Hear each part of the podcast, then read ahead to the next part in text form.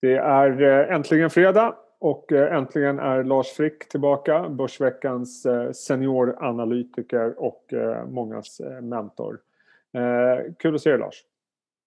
Samma Jesper, alltid glatt att se dig också. Ska vi prata lite rapporter tänkte jag du och jag. Och ja, jag tänkte vi skulle fokusera på en trio intressanta bolag mm. som har kommit idag. Den första är Assa Abloy. Eh, mm. Lite lägre än väntat tycker jag med C. Mm. Det är fortsatt en organisk tillväxt som ligger på minus 5% Inte fullt så illa som i Q2 men, men som i Q3. Eh, kursen upp 4% när du och jag pratar. Jag är lite mm. förvånad. Eh, vad säger du? Ja, jag blev också förvånad. Den öppnar ju inledningsvis ner för att sen repa sig under dagen. Och Eh, en generell reflektion när vi tittar tillbaka på rapportperioden är väl att många bolag som presterat bra siffror har inte fått någon särskilt stor utdelning kursmässigt. Så det har varit lite antingen att kanske förväntningarna har varit lite höga eller att det liksom ligger redan inprisat så mycket i kursen och att i då perspektivet levererar kanske en lite tveksam rapport och ändå blir belönad med en kursuppgång som just nu tror jag är plus 3,3 procent. Där, där det kring blir lite förvånande och det kanske är eh, de har varit rätt bra på att parera eh, svag efterfrågan med att dra ner på kostnader och, och på så vis hålla lönsamheten uppe. Och det är väl okej okay att göra i ett sånt här klimat. Men sen vet man inte exakt vad de besparingarna handlar om. Eller? Nej, för, för de har ju ett omstruktureringsprogram som lanserades mm. ganska nyligen. Marginalen i kvartalet var väl helt okej. Okay. Eh, mm. vad säger du om framtidsförutsättningarna för Assa? Jag tycker man läser rapporten så de som många andra räknar med att det kommer liksom gradvis gå tillbaka till någon form av mm. normalitet. Mm. Vad, vad, tror du om förutsättningarna för Assa generellt sett? Ja, kanske att de ligger lite senare i den cykeln och det är väl någonting som nästan alla bolag säger att det vänder andra halvåret, den här gamla klichén. Nu finns det väl kanske lite mer substans än vanligt i och med att man då kan räkna med att vi har ett större vaccinerad underlag i befolkningen och att det går att kanske öppna upp igen och restriktioner kan släppa. Men då tror jag inte att bolag som Assa Abloy ligger först i cykeln utan de kommer nog komma lite senare. Utan det kan ju i så fall vara tjänstenäringar, mer konsumentnära branscher och så vidare där man upplever eh, det tydligaste lyftet, alternativt ännu mer cykliska. Vad säger du om aktien annars? För att Aktien är ju fortfarande på minus eh, ett år tillbaka. Det kanske förklarar lite mm. grann att det är någon lättnad idag då, för den har ju varit ganska svag. Men jag kände spontant att för att motivera dagens värdering mm. så måste väl ändå tillväxten komma tillbaka. Och eh, lönsamheten i all ära, men man vill gärna se positiv organisk tillväxt igen. Precis, det tycker jag det är väl någonting som vi på Börsveckan också har fokuserat ganska mycket på, att försöka hitta bolag som just kan visa tillväxt eller bra utsikter att komma tillbaka till det. Eh, för Assa och många andra bolag så handlar det väl mer om att man hoppas på en normaliserad marknad och då ska också tillväxten komma tillbaka. Men jag tycker inte det finns någonting i rapporten som indikerar det. Möjligen då att nedgångstakten är, är lägre senaste kvartalet jämfört med föregående kvartal. Ehm, men jag, inte, jag tycker inte den övertygar så himla mycket faktiskt. Eh, då lämnar vi Assa och går över på Skanska, mm. ett bolag som det alltid känns som det är eh, jag ska inte säga höga förväntningar inför rapporten, men det är alltid förväntningar på det här bolaget. Många som gillar det. Mm. De kommer in, tycker jag, med en ganska, får man säga, intetsägande rapport. Eh, mm. Vad tycker du? Ja, vd beskriver ju 2020 som ett rekordår och det var väl bra på många sätt. Samtidigt tycker jag också att det finns andra teman som är återkommande för Skanska. Man pratar om att man ska höja lönsamheten i Sverige, i USA ser man framför sig lönsamhetsförbättringar man ska spara i Centraleuropa, i Storbritannien ska man fokusera verksamheten. Ja, du hör, det är, liksom, mm. det är en lång lista på to-dos.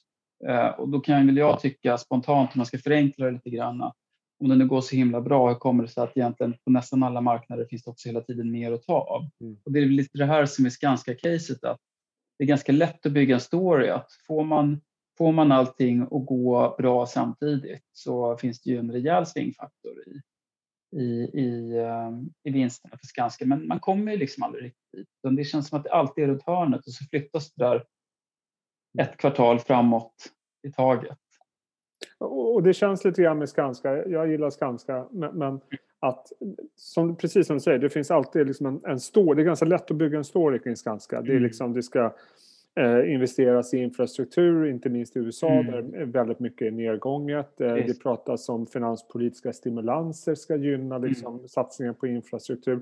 De får visserligen regelbundet, tycker jag, väldigt fina order, inte minst från mm. USA. Men det känns ja, som att hela tiden går och väntar på det där lyftet. Mm, precis.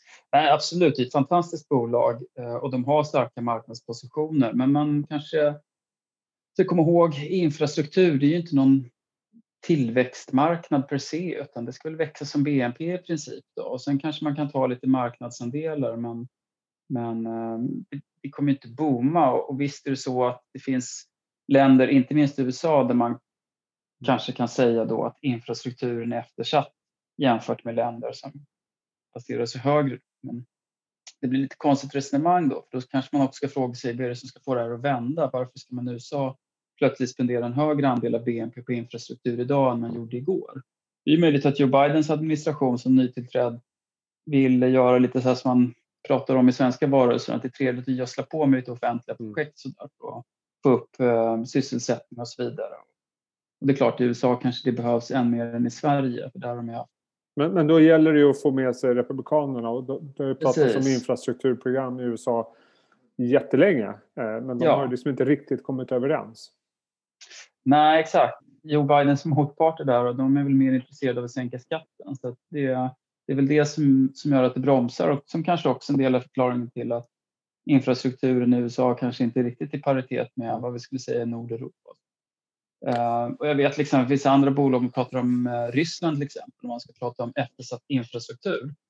Det finns ju jättespännande bolag där som är verksamma där, för Nordic. Och tittar man på deras siffror och försöker se liksom hur mycket, Eh, vilket skick vägnät det är i och annan infrastruktur så är det en marknad som man känner skulle kunna bli hur stor som helst. Men det är samma sak där också. Någonstans måste det finnas en politisk vilja och resurser att investera. Eh, så bara för att behovet finns där finns ju inte möjligheterna. Så att okej okay, rapport från Skanska men samma som lite som Assa, så här, lite ljummet. Det känns varken som att nu är det läge att kliva på eller nu har vi någon säljsignal utan aktien lär väl tuffa på långsamt precis som bolaget. Ja, då är frågan om det är dags att kliva på Besqab, eh, en av de mindre bostadsutvecklarna. Vi har ju sett JM och Bonava komma med, med bra rapporter. Mm. Eh, Besqab kommer in. De har brottats fortfarande med omsättning och framförallt kanske mm. resultatet som, som var eh, fortsatt lågt. Och vd säger också att eh, det är svag, svag lönsamhet ja. i bolaget. Ja. Hur tänker du?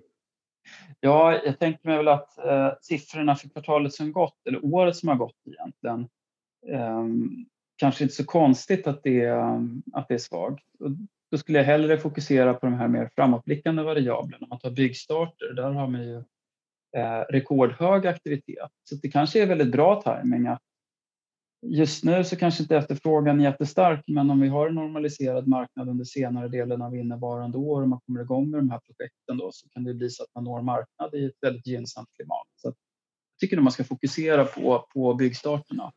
Eh, och, och tittar man på produktionsstarter och, och även sålda bostäder så, så ja. var det tycker jag starkt i kvartalet. Eh, det tickade upp ordentligt och igen, jag jämför med JM och Bonava som också har mm. rapporterat mm. om det här. Eh, och i min värld så bådar det ganska gott för 2021. Det verkar ju inte direkt som bostadsmarknaden har svalnat av under pandemin. Nej, eller hur? Vi har ju sett prisökningar i många regioner. Det är fortfarande hög aktivitet om man tittar på sådana här indikationer som sökningar på Hemnet och antal transaktioner och sådär. Så bostadsmarknaden är ju väldigt, tycker jag, då, förvånansvärt aktiv. Eh, och då har ju kanske mindre spelare som Vesca blivit ännu lite större svingfaktor. JM var ju också jättebra. Men eh, kanske att det är lite mer kittlande med en mindre aktör som kan ta marknadsandelar där man kanske mm. kan uppvisa ännu högre tillväxt. Så Vescas rapport var jätteintressant vad säger man om aktierna? För när jag tar ut liksom en graf, eller häromdagen när jag pratade med någon. Så om man tittar på Bonava gick ju mycket på sin eh, positiva vinstvarning. JM kom med mm. bra rapport. Eh, men det här är faktiskt en sektor som har eh, underperformat mot börsen mm. ganska länge. Även om några stack upp i samband med rapporten, i alla fall Bonava. Mm. Liksom, hur ser du på sektorn som investering?